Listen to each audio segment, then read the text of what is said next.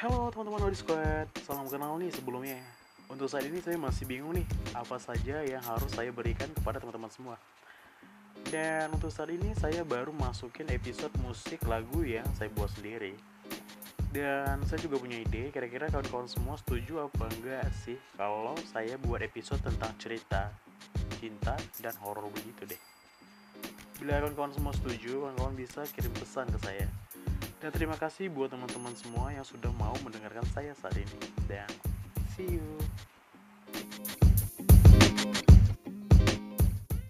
The podcast you just heard was made using Anchor.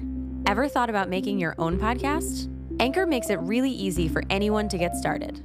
It's a one stop shop for recording, hosting, and distributing podcasts. Best of all, it's 100% free. Sign up now at anchor.fm slash new. That's anchor.fm slash new to get started.